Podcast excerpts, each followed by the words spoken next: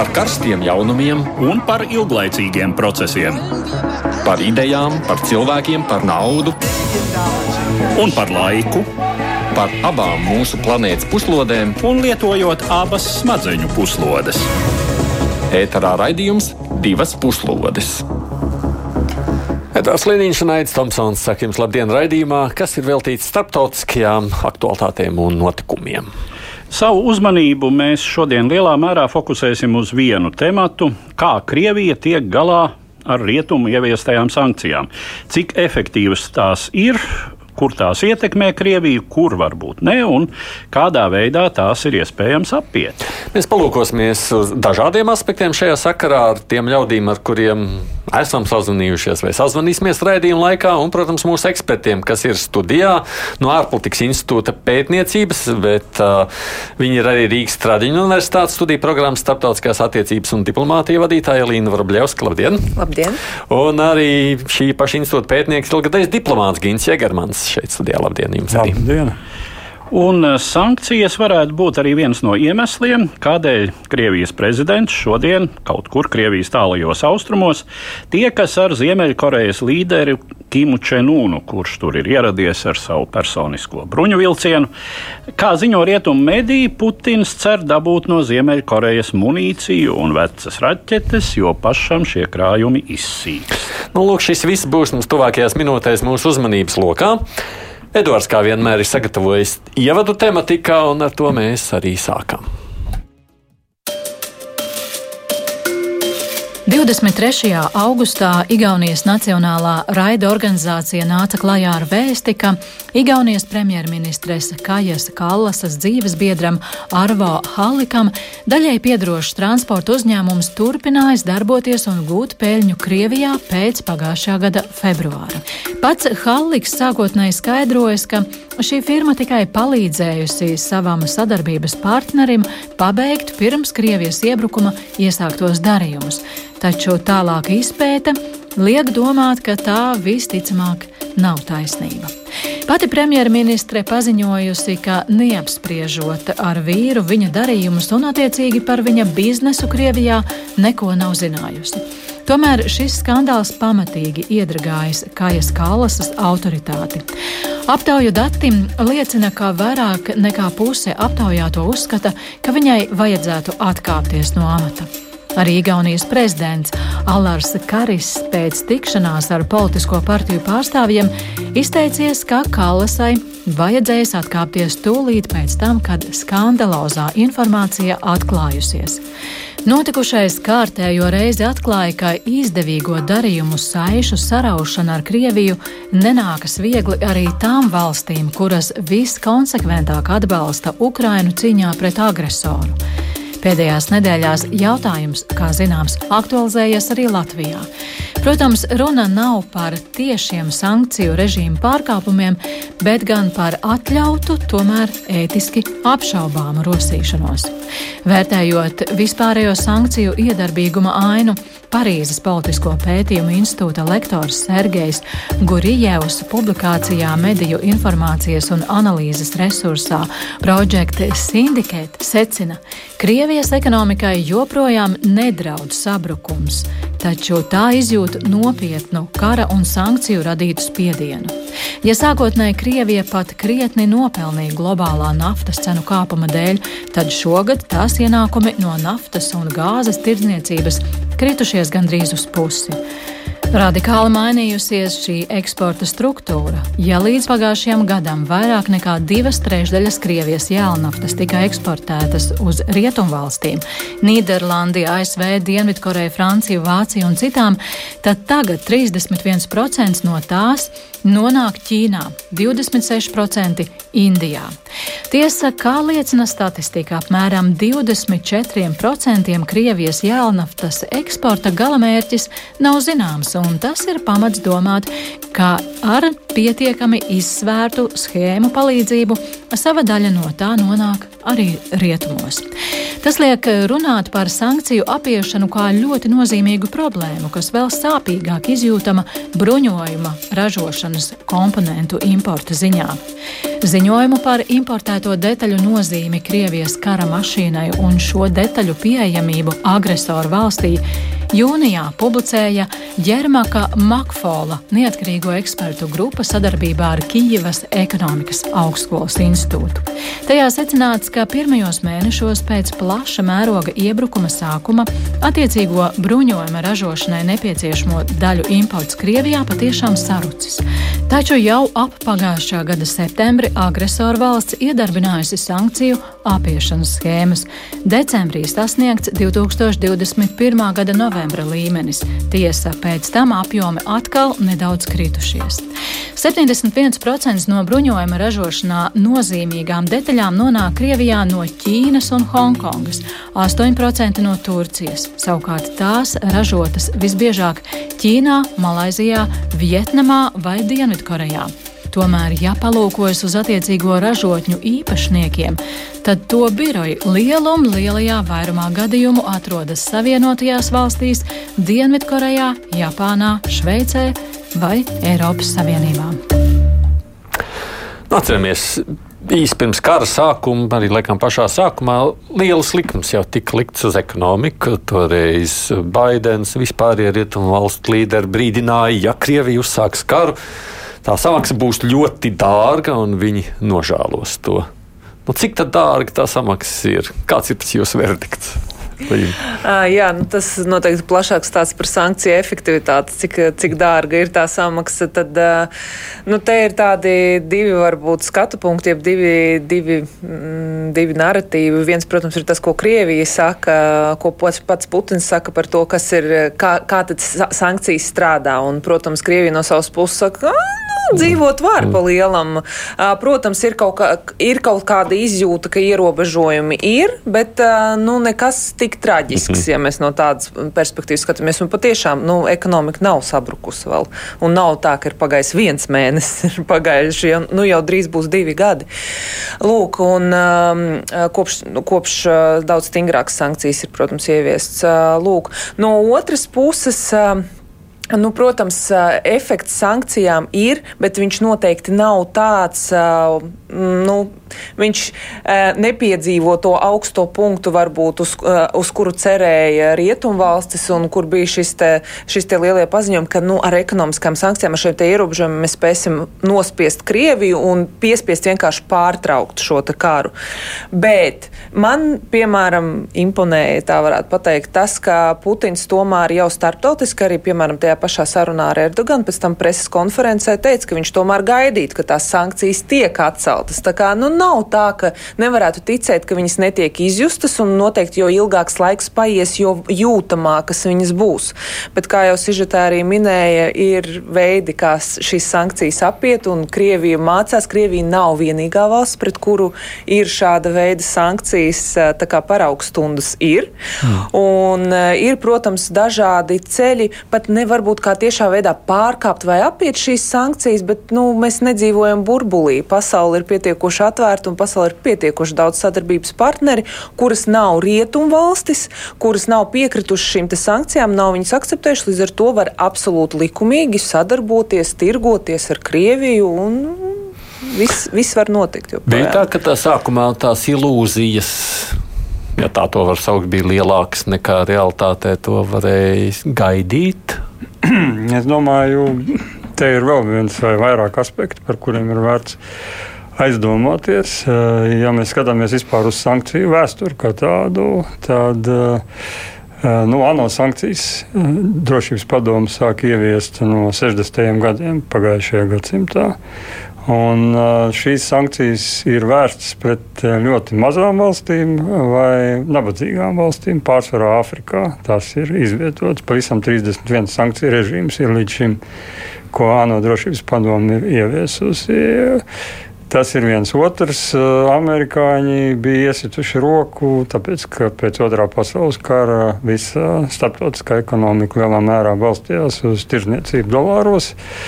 Pakāpeniski tika pastiprināti dažādi sankciju režīmi gan pret individiem, gan, gan pret uzņēmumiem, gan pret valstīm.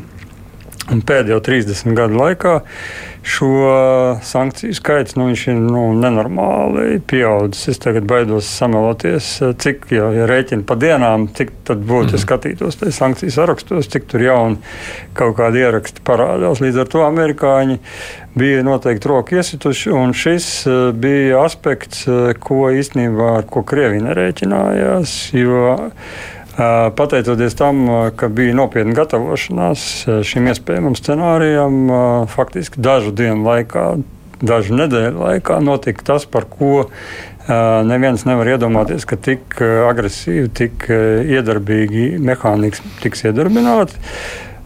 Bet jāatceras arī tas, ka nu, Krievija tomēr nav maza uh, ekonomika, lai ko kāds kādreiz nebūtu smējies, ka viņi tur tādas Spānijas lielumā vai kaut kā.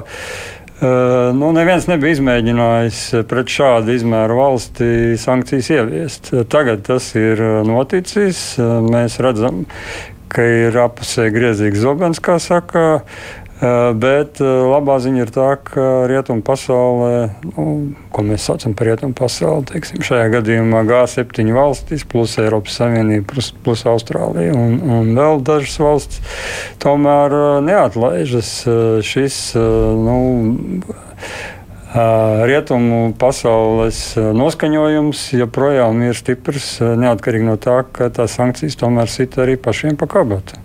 Bet, ja mēs gribam runāt par to, kā tas tiek apietas, tas jau ir mazliet cits, cits stāsts. Jā, bet tieši par to apiešanu skatoties, man reizēm liekas, nu, redzi, Varbūt mēs rietumu nesaprotam to krievu mentalitātes sajūtu. Mēs padomju laikā visu ko mācījām. Mēs mācījām žiguli saķīlāt no, ne no kā vai ne. No tādā ziņā tā izdoma spēja izdomāt, ko var darīt tad, kad nevar neko darīt, taču ir.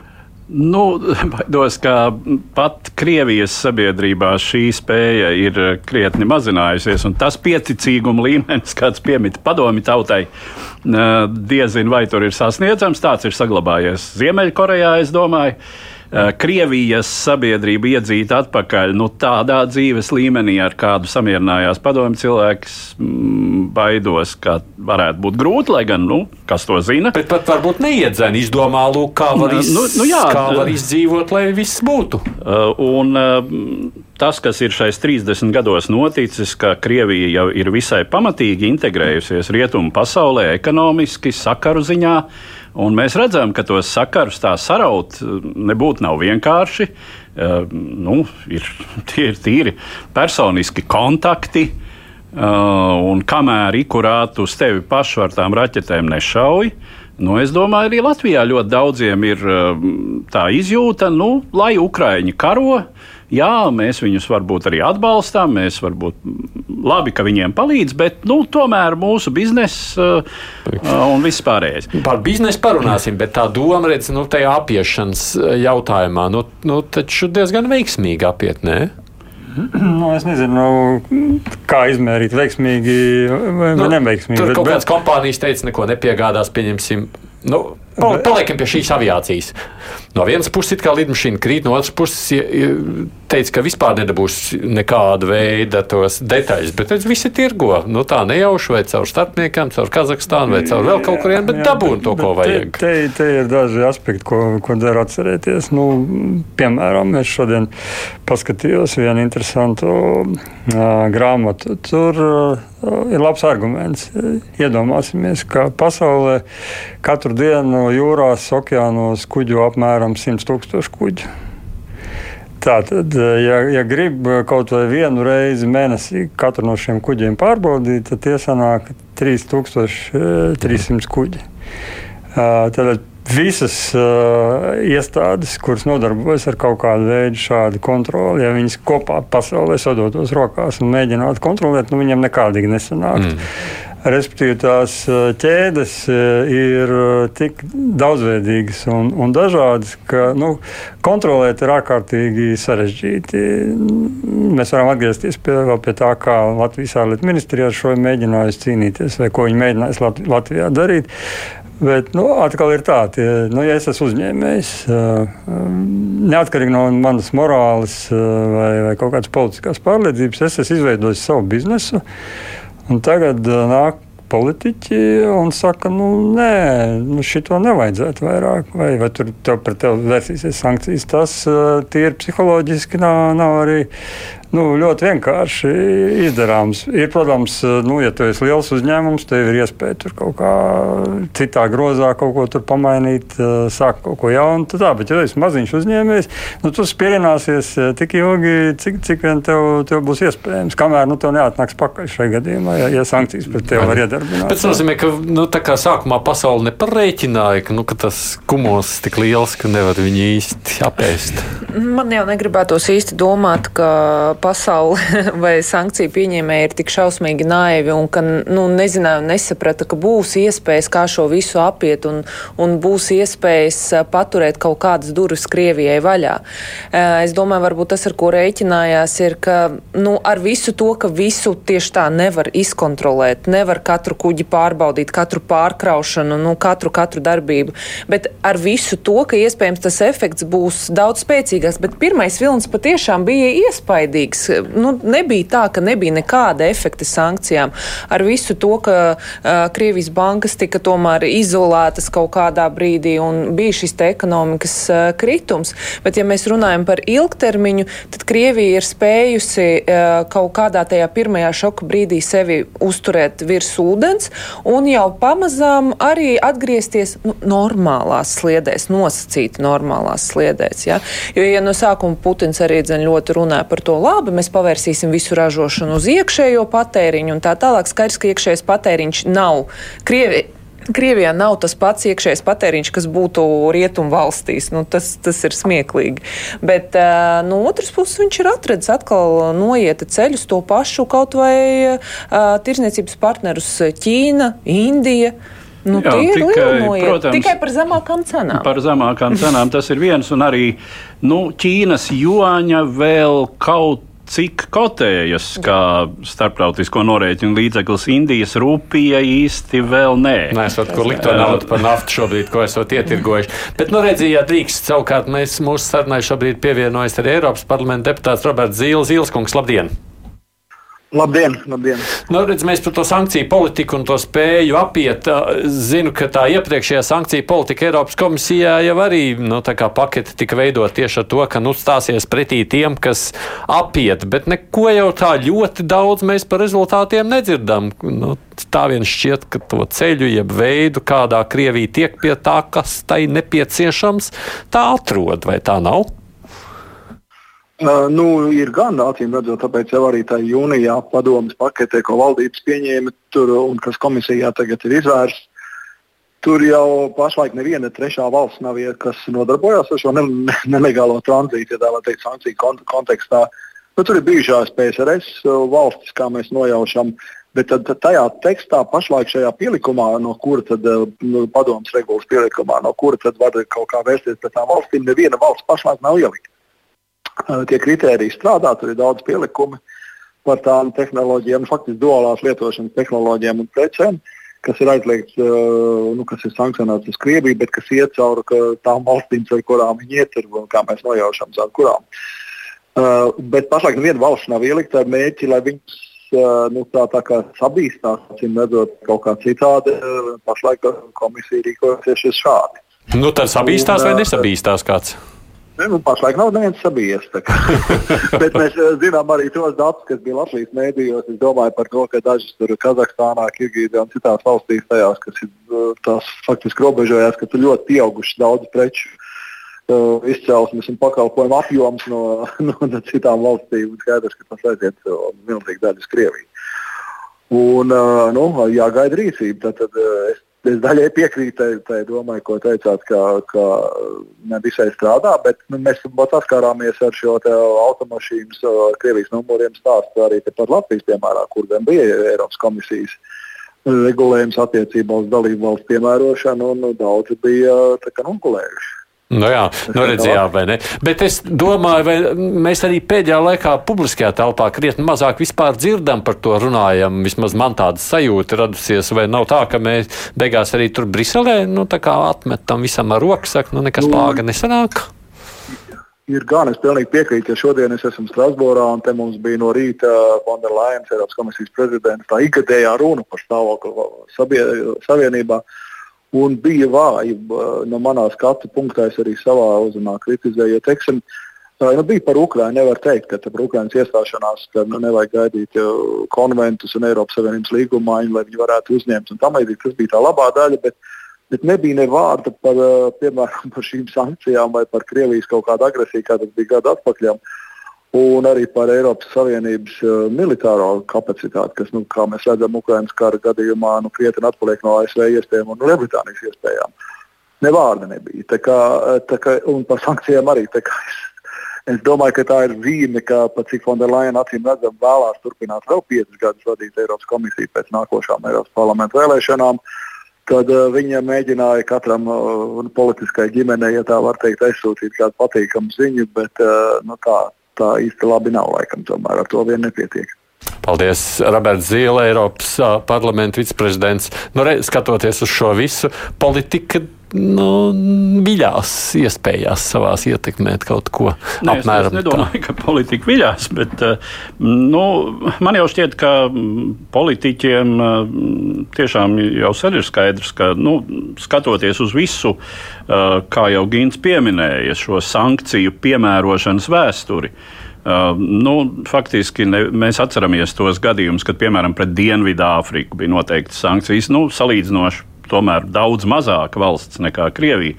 Nu, neizdevās teiksim, šo ekonomiku nograut tā, lai Dienvidāfrika fundamentāli uh, mainītu tā īstermiņā savu, uh, savu politiku. Tas notika ilgu pārmaiņu rezultātā un iekšēju procesu rezultātā. Nu, tā kā nevajag tā sacīt, liekas ilūzijas šai ziņā, lai gan, nu, kā mēs arī šeit secinām, šīs sankcijas uzkrājas. Un, piemēram, skatoties uz rubļa kursu, ja mēs atceramies, ka bija ļoti strauji rubļa kursa kritums tūlīt pēc iebrukuma uh, pagājušā gada pavasarī. Un, uh, Pēc tam Krievijai izdevās eh, šo rubļu kursu diezgan ātri stabilizēt un atkal atgriezt iepriekšējā līmenī. Tad nu, tagadējais kritums, kas ir eh, atkal ir pārsniegta tā psiholoģiski būtiskā 100 rubļi par dolāru robežu, tad eh, nu, šobrīd izskatās, ka to vairs tā atpakaļ nevarēs dabūt. Bet tas psiholoģiskais laikam ir tā, ja kā tur to, to, to vārdu peldēt tajā karstajā pienā, kamēr vērās pamazām pieradini. Ja? Nu, tā tā doma, ka krievi arī pierod. Sākumā likās simts ārprāts. Vai ne? Visi pierod pie Nē, nu, bet, kā jau mēs runājam, tam ir. Tam, tur ir vajadzīgs laiks. Tas, kas ir noticis šobrīd, Krievijas ekonomika ir pārorientēta uz kara ekonomiku. Tas ir kas ir šajos 18, uh, 19 mēnešos noticis. Ja trešdaļa no tavas ekonomikas aiziet kara vajadzībām, nu, protams, tev ir kaut kādas darba vietas, uh, tu kaut ko ražo, bet tu visu to pārējo nu, tur paliek arvien grūtāk. Uh, tas pats inflācija arī nav, nav pārāk maza. Uh, darba spēka arī sāk pietrūkt. Korejieši brauks. Jā, jā, nu labi. Ķīnieši. Ir jau viņi tur tāpat tie korejieši, kā turisti iebrauc un, un pusgadu var uzturēties un tad tur pastrādā kaut ko. Bet, proti, nu, ne, ne, nebūs vienkārši. Cita lieta ir, ka. Uh, nu, ja mēs skatāmies globāli, tad uh, viss tā pasaules kārtība, pie kuras mēs esam pieraduši pēdējos 30 gados, nu, tur parādās visādas interesantas lietas. Un tas pats jau pieminētais Ķīnas, Ķīnas valūta, joņa, ne? Nu, nav viņa šobrīd nekotējas tur ļoti labi. Bet nu, tomēr pēdējā gada laikā, pēdējo gadu laikā, es gribētu teikt, tas tirniecības apjoms, rezerves, uh, viņas kāpj, un ķīnieši, nu, viņi pamanīja 14. gadā, kas notika pēc Krimas uh, aneksijas un okupācijas, un arī Krievi pamanīja, nu, kā pret viņiem kaut kādas sankcijas ievies. Ķīnieši izveidoja, ja mēs zinām, Swiftu, tad ķīnieši izveidoja, kā nu viņi tur sauc, cips būtu pārobežu, starpbanku, starptautiskie, starptautiskie darījumi. Es precīzi neatceros to, to, to nosaukumu. Viņi izveido alternatīvu sistēmu. Šobrīd varbūt tā nu, atpaliek desmitkārtīgi no, no SWIFT sistēmas, bet ja nu būs baigās ziepes. Viņiem būs arī visādi starpbanku darījumi, respektīvi starp, starpvalstu banku. Visi pie visa pielāgojas, jā, kā mēs redzam. Bet... Un mūsu biznesa jau arī pielāgojas, vai ne? Te, nu, nevarēja tā uz Krieviju, nu tad, protams, Kazahstānas, Kirgistāna. Jā, un tad nonāk Krievijā. vai ne? Bet, bet, nu. bet eh, tāda ir, tāda ir realitāte. Mēs jau to pašu arī redzējām eh, Baltkrievijas gadījumā, kad tur jau arī tika apietas eh, caur Baltkrieviju Krievija arī dzen šīs sankcijas. Un, ko jūs sakāt par to skandālu, kas ir Igaunijā nu, tagad parādījās ar premjerministru? No, nu, tad... Nu, man, man liekas, tāds cīnisks skatījums, ka tas parāda to dzīves realitāti, kurā mēs dzīvojam.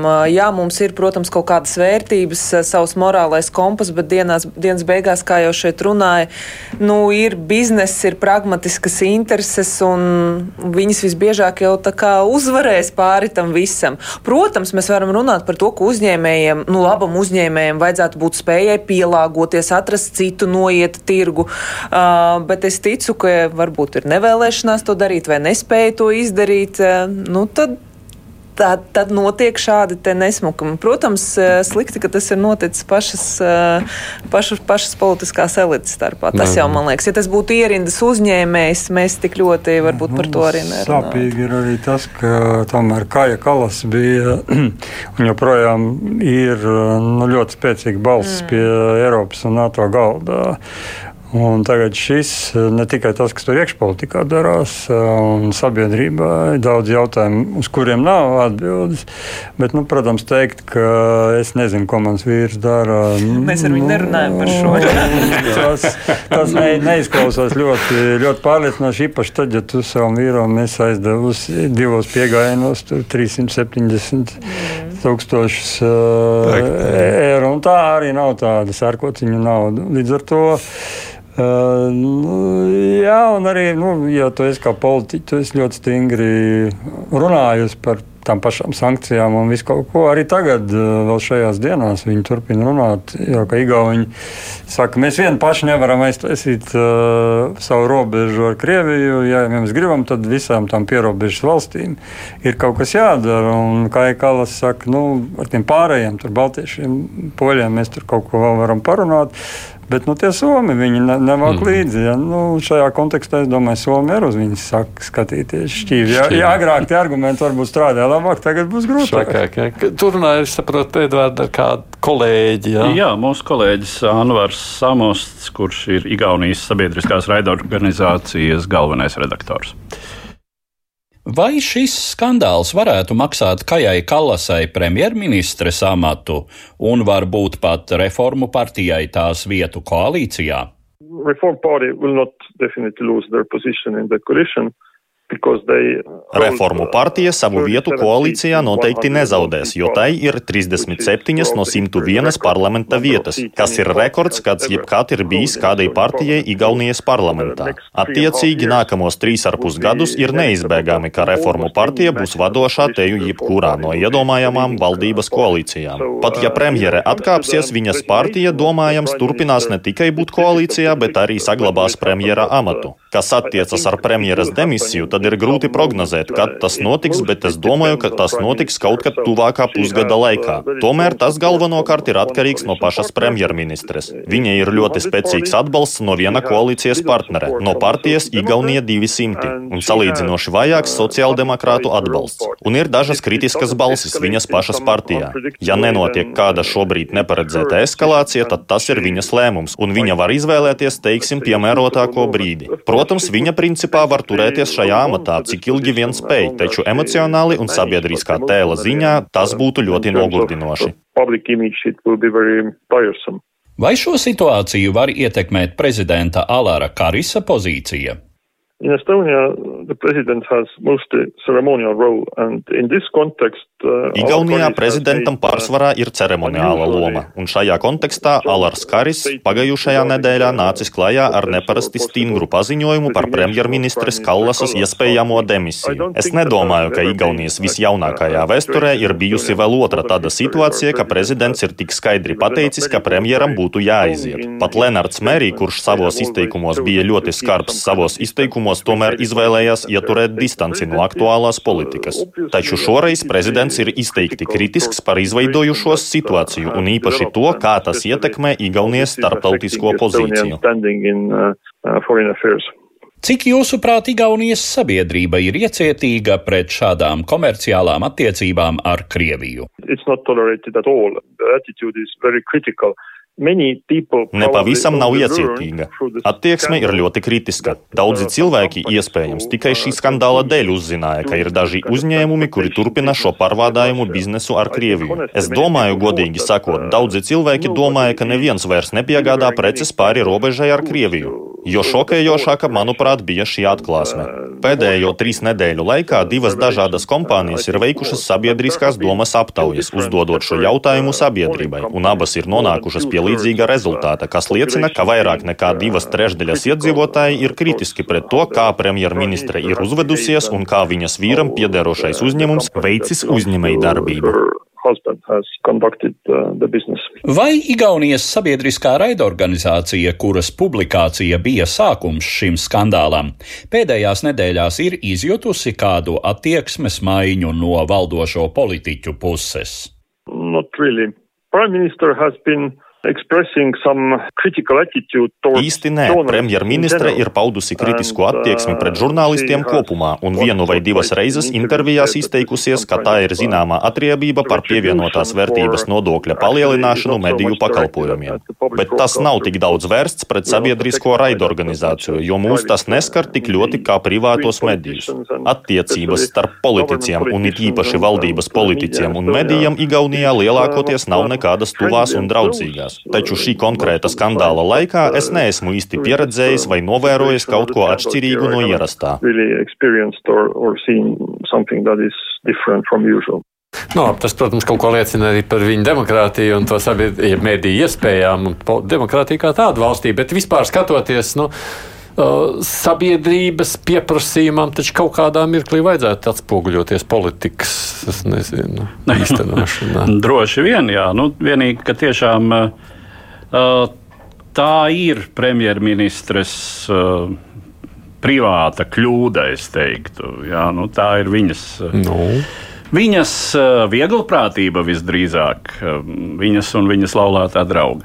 Tā ka varbūt arī mm, ir pareizi, ka mm, nu, visa partija no tā necieš. Un, un tas ir loģiski. Ka, nu, bet, jā, cits premjerministrs, bet eh, nu, no. arī, arī teiksim, tā, šobrīd tā Igaunijas politiskā aritmētika uh, īsti nepieļauj citu variantu. Jo tad tur būtu jāsavienojās koalīcijā mm, tādiem spēlētājiem, kas ir ļoti maz ticami. Nē, nu, vienīgais patie pašai varbūt jāprotas būt. Nu, ja, bet atgriežoties bet, savukārt, eh, bet redzi, no. nu, te parādās tas moments, ka sabiedrības viedoklis, un tas jau attiecas ne jā. tikai uz sabiedrības viedokli par politiķu rīcību. Sabiedrībai uh, ir iespēja paust savu viedokli un arī attiecīgi rīkoties attieksmē pret uh, uzņēmējiem, pret tiem, kuri nodarbojas ar šīm, uh, kuri joprojām uztur šos biznesa sakars ar Krieviju.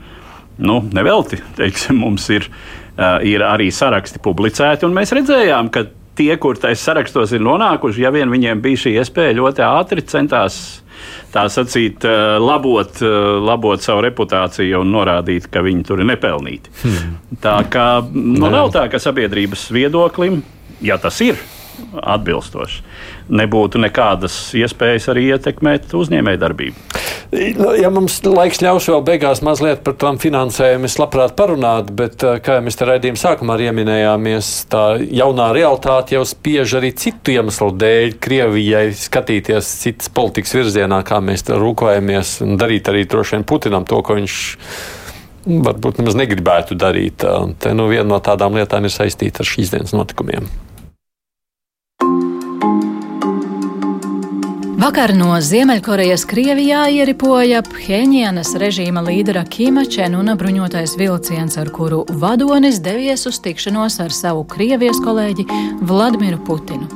Kas attiecas uz divpusējām attiecībām, Ziemeļkoreja un Krievija šodien ir kā radītas viena otrai.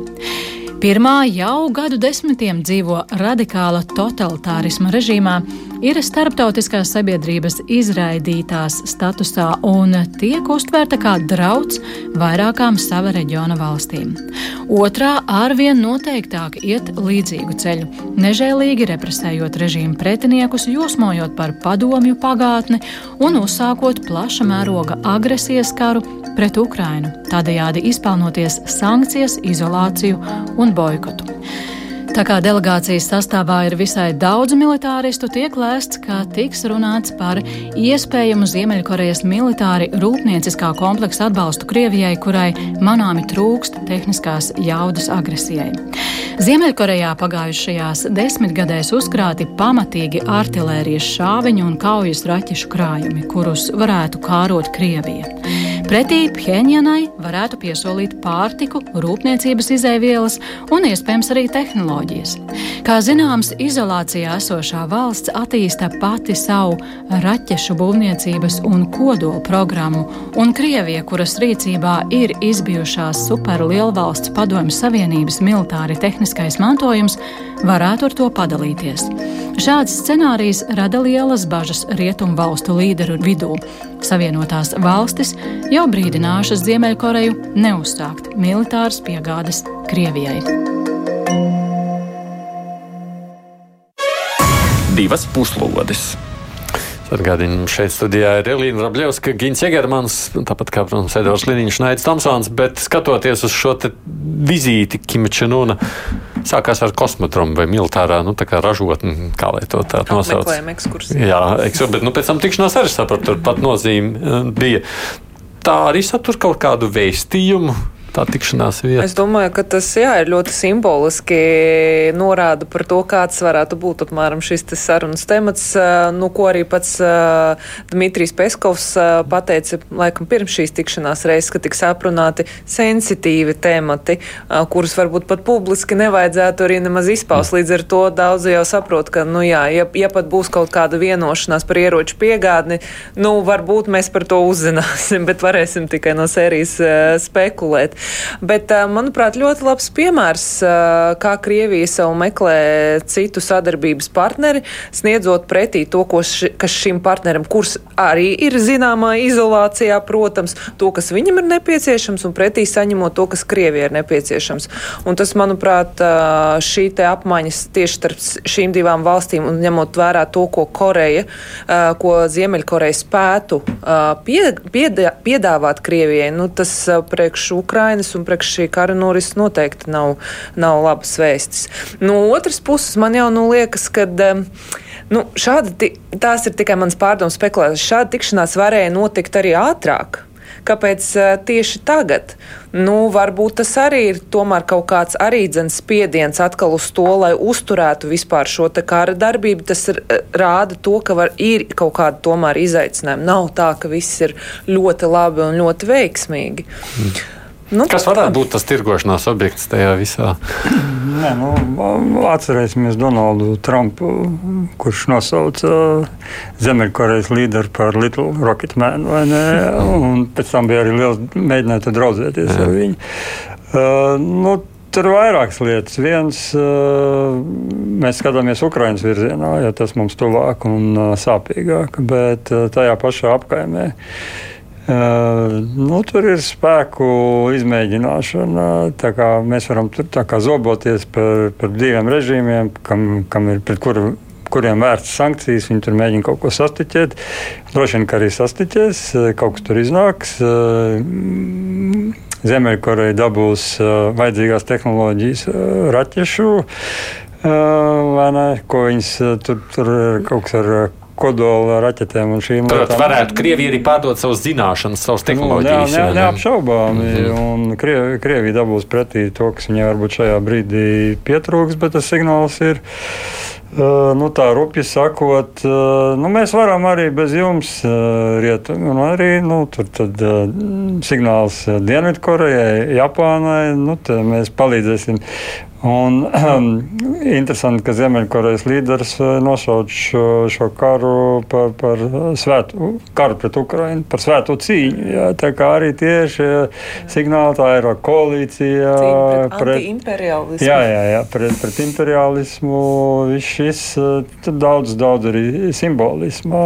Bet nu, viņi mēģinās viens otru pabalstīt, un nav, nav jau vienīgie, teiksim, tie paši irāņi nu, ļoti labprāt piegādā dronus. Nu, arī mūsu sabiedrotie, teiksim, Turcija arī nu, nav gluži pilnīgi bez, bez vainas visā šajā spēlē.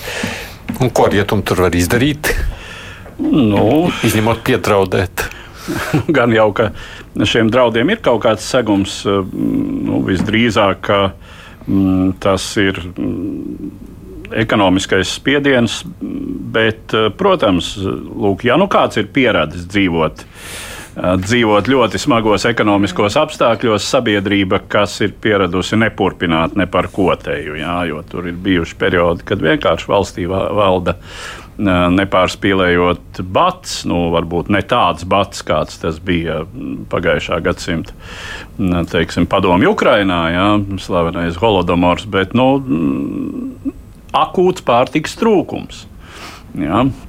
Nu, tā tad uh, tur nenotika ne sacelšanās, kā zināms, uh, nekas cits tam līdzīgs. Uh, tā kā nu, rietumu iespējas visdrīzāk, ja Kims patiešām saņems no Krievijas kaut kas, ir rietumu lielākās bažas.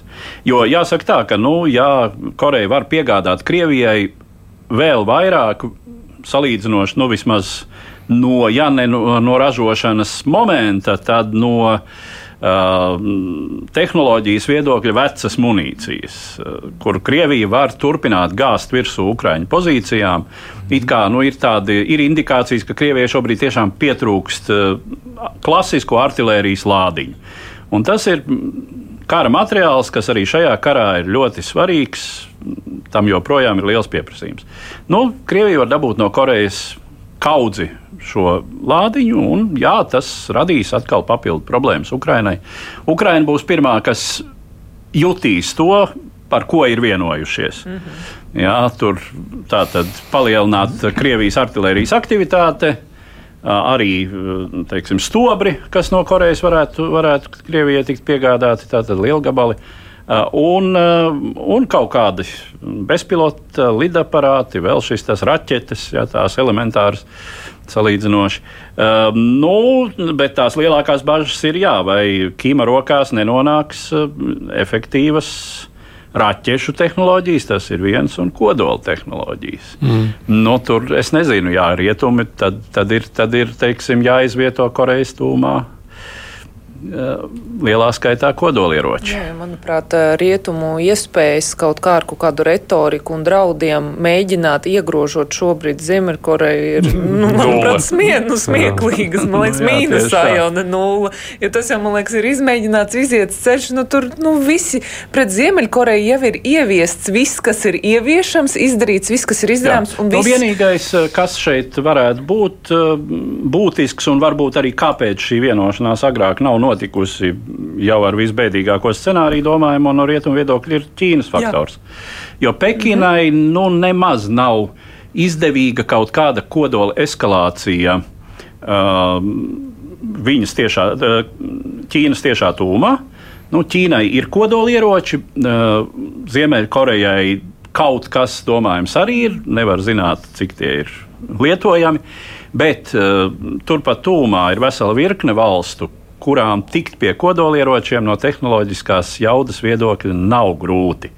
Tāda ir Japāna, tāda ir Dienvidkoreja, tāda principā varētu būt pat Taivāna un varbūt pat Malaizija. Ja, attiecīgi un Indone, Indonēzija arī var būt. Ja tur sākas, teiksim, tāda maza, maza kodola sacensība tur tālu austrumu reģionā, nu, Ķīnai tas nu, galīgi nav vajadzīgs. Nu, Ķīna papildus visam šim, ko jau mēs tikko dzirdējām. Nav arī, nu, viņi neskatās tā, protams, gan Ziemeļkoreja, gan Krievija ir Ķīnas sabiedrotie un, un draugi dažādos formātos un veidos. Bet tas, ko šie divi diezgan patrakie spēlētāji dara, Ķīnai ilgtermiņā, nu, viņi nav diezko priecīgi. Un tagad uh, nu, ir jauns stāsts, slikti amerikāņi, un mēs ar eiropiešiem, ar jums taču mēs gribam tirgoties, un, un jūs taču esat labi, un, un tas mm. Putina un Ziemeļkorejas darījums, un ja vēl Ķīna tur kaut kādā veidā tiek ievilkta iekšā ka kaut kāds arī ļaunais spēlētājs, tas viņiem atspēlēsies Eiropā, Viņ, viņiem arī šis nav izdevīgi. Nu, tā kā izcerības, ka Ķīna varētu kaut kādā veidā mazliet patraucēt lielo diktatoru ciešai draudzībai un nu, biznesa attīstībai. viņi mēģinās šo, šo procesu kaut kā pieskatīt tik daudz, cik nu viņi var pieskatīt, jo nu, abi spēlētāji diezgan nekontrolējami. Lai nekaitētu Ķīnas lielām interesēm. Nu, tagad, liekot to visu kopā, ko mēs esam izrunājuši, mums ir nepilnas desmit minūtes. Skatoties, mēs sākām ar to, kā rietumi mēģināja ekonomiski ietekmēt Krieviju. Nu, te mēs esam nonākuši līdz brīdim, nu, kurā labi, Krievija tur kaut kā šādu un tādu ar kādiem partneriem mēģināja caur biznesu, bet stāvēt tam visam pretī.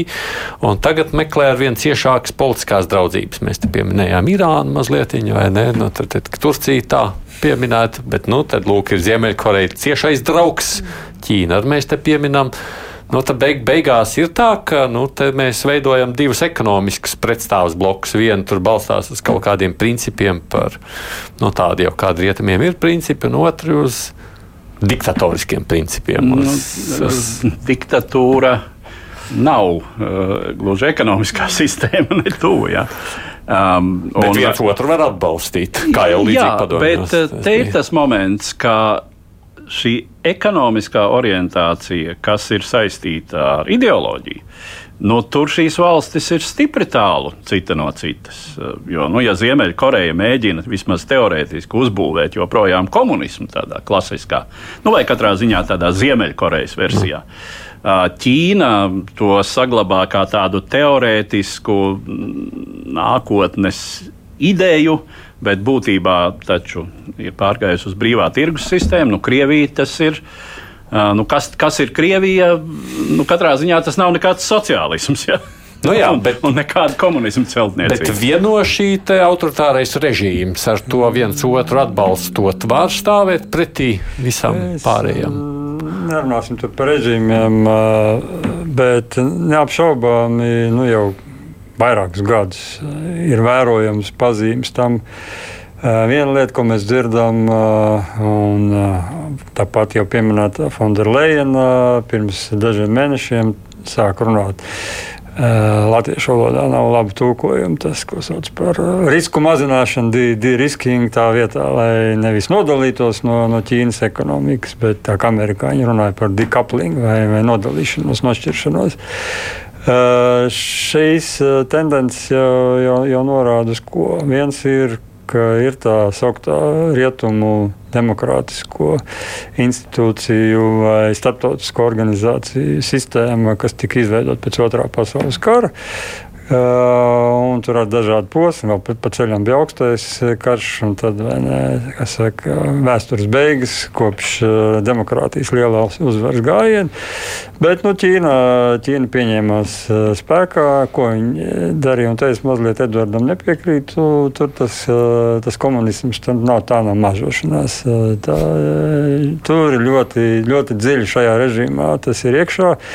Un pat labāk, nu, Zīņpīna vadīšanas laikā tas tikai pieņ, pieņems spēkā. Tā kā šo mums galīgi nevajadzētu ignorēt. Bet tas, tas kas notiek, ir nu, pārsvarā Ķīna ir pie stūres, bet tie pārējie tur vai nu viņi ir tā kuģī vai, vai uz tās pašas šoseis, viņi, viņi piedalās, veidojas kaut kas alternatīvs. Mēs redzam, nu pat Pavisam nesen uh, BRICS uh, lielā sanāksmē, nu tad jaunas piecas uh, dalību valstis. Paskatāmies uz uh, datiem, nu, tātad tas, kas ir G7, tie ir kaut kādi nepilni 10% iedzīvotāji, un, uh, ja es pareizi atceros uh, datus, tad tie ir kaut kādi 28 apmēram 28% no pirktspējas paritātes tas jēdziens. Jā. Ja mēs ņemam savukārt BRICS jaunajā formātā, tad tie ir 47% no pasaules iedzīvotājiem un kaut kādi 37% šī, šī paritāte. Tur tie jaunie dalībnieki, faktiski šajā jaunajā kombinācijā, tur nāk iekšā valstis, kas, kuriem ir lieli energoresursi, kurām ir arī citi resursi Uh, nu, ir tā garša, ir sajūta, ka Amerikas hegemonija vai, vai vien, vienvaldības laikmets ir beidzies. Mēs varam mazliet kā, pamēģināt kaut ko citu. Mēs redzam, ko dara Saudārābija kopā ar Krieviju. Tagad, nu, naftas cena viņus neapmierina, nu, tad mēs uh, darīsim tā, lai tā naftas cena tuvojas uh, 100 do dolāriem par, par, baleri, par bareli. Ir visāda veida mēģinājumi mazināt, iegrožot mm -hmm. uh, vareno rietumu pasauli, kas ir dominējusi nu, teiksim, tā, pēdējos Gad. 400 gadus. Kas nozīmē, ja mēs tā skatāmies, nu, tie vispār centieni mēģināt, pieņemsim, ar ekonomiku ietekmēt arī kaut kādus nezinu, pasaules Nu, vienalga, sauksim to par vērtībām, mm. pieņemsim robežu nemainīšanu, tur ar varu nē. Nu, tādi centieni, pieņemsim, ne tikai visu risināt ar kariem, kā vecos senos laikos, ja kas nepatīk, tā uzbrūk. Nu, tajos pēdējā laikā mēs bijām redzējuši centienus to mm, atrast citus, jā, citus veidus, kā jā. šo lietu ietekmēt. Šķiet, ka tas atkal sāk nobrukt, tā ekonomiskā iespēja vairs nav ietekmēt, nu, tad kurš spēcīgāks tas vinnē. Jā, nu es nedomāju, ka tas īsti sāk nobrukt. Tas vienkārši nestrādā. Jo man liekas, tas vienojošais faktors te ir tas antirietumnieciskums šajā jaunajā koalīcijā, starptautiskajā sistēmā. Ja mēs to varētu, ja mēs paskatāmies uz tām pašām BRICS valstīm, jo ļoti ilgu laiku BRICS formāts bija tāds. Nu, jā, ir. Un, bet eh, tas, tas nekādā veidā neradīs satraukumu vai kaut kādu iedomātu vai neiedomātu apdraudējumu eh, izjūtu no rietumu valstu veidoto institūciju puses. Tad tagad, tomēr, manuprāt, ir, ir bišķīt jau piesardzība parādījusies tieši ar šo pēdējā, pēdējā laika notikumiem un ar to, ka izskatās, ka tas formāts tomēr paplašināsies un augsts spēkā. Un, uh, Līdz ar to nu, te ir bijis tiek iespēlēts nu, Putina rokās, un tas, ko Putins daudzus gadus ir propagandējis par jaunu startautisko kārtību, jaunu sistēmu, multipolaritāti, cita spēka centra izveidošanos pretstatā rietumu veidotajām institūcijām Jā. un pretstatā rietumu šai te hegemonijai Jā, un, tam, un ASV hegemonijai. Un par pamatu tam ir kas? Par pamatu tas ir nu, ekonomiskais izdevīgums kā katram mums ir labāk, tas vai ne? Nu, es domāju, tas ir sekmējis. Nē, nu, ir jau arī tāda lieta, ja mēs paskatāmies uz Āfriku, un ne tikai Āfriku. Ķīna pēdējo desmit gadu laikā ir kļuvusi par nozīmē, nozīmīgāko tirdzniecības partneri gan Āfrikā, gan, gan Latvijā, gan, gan daudz kur citur Āzijā.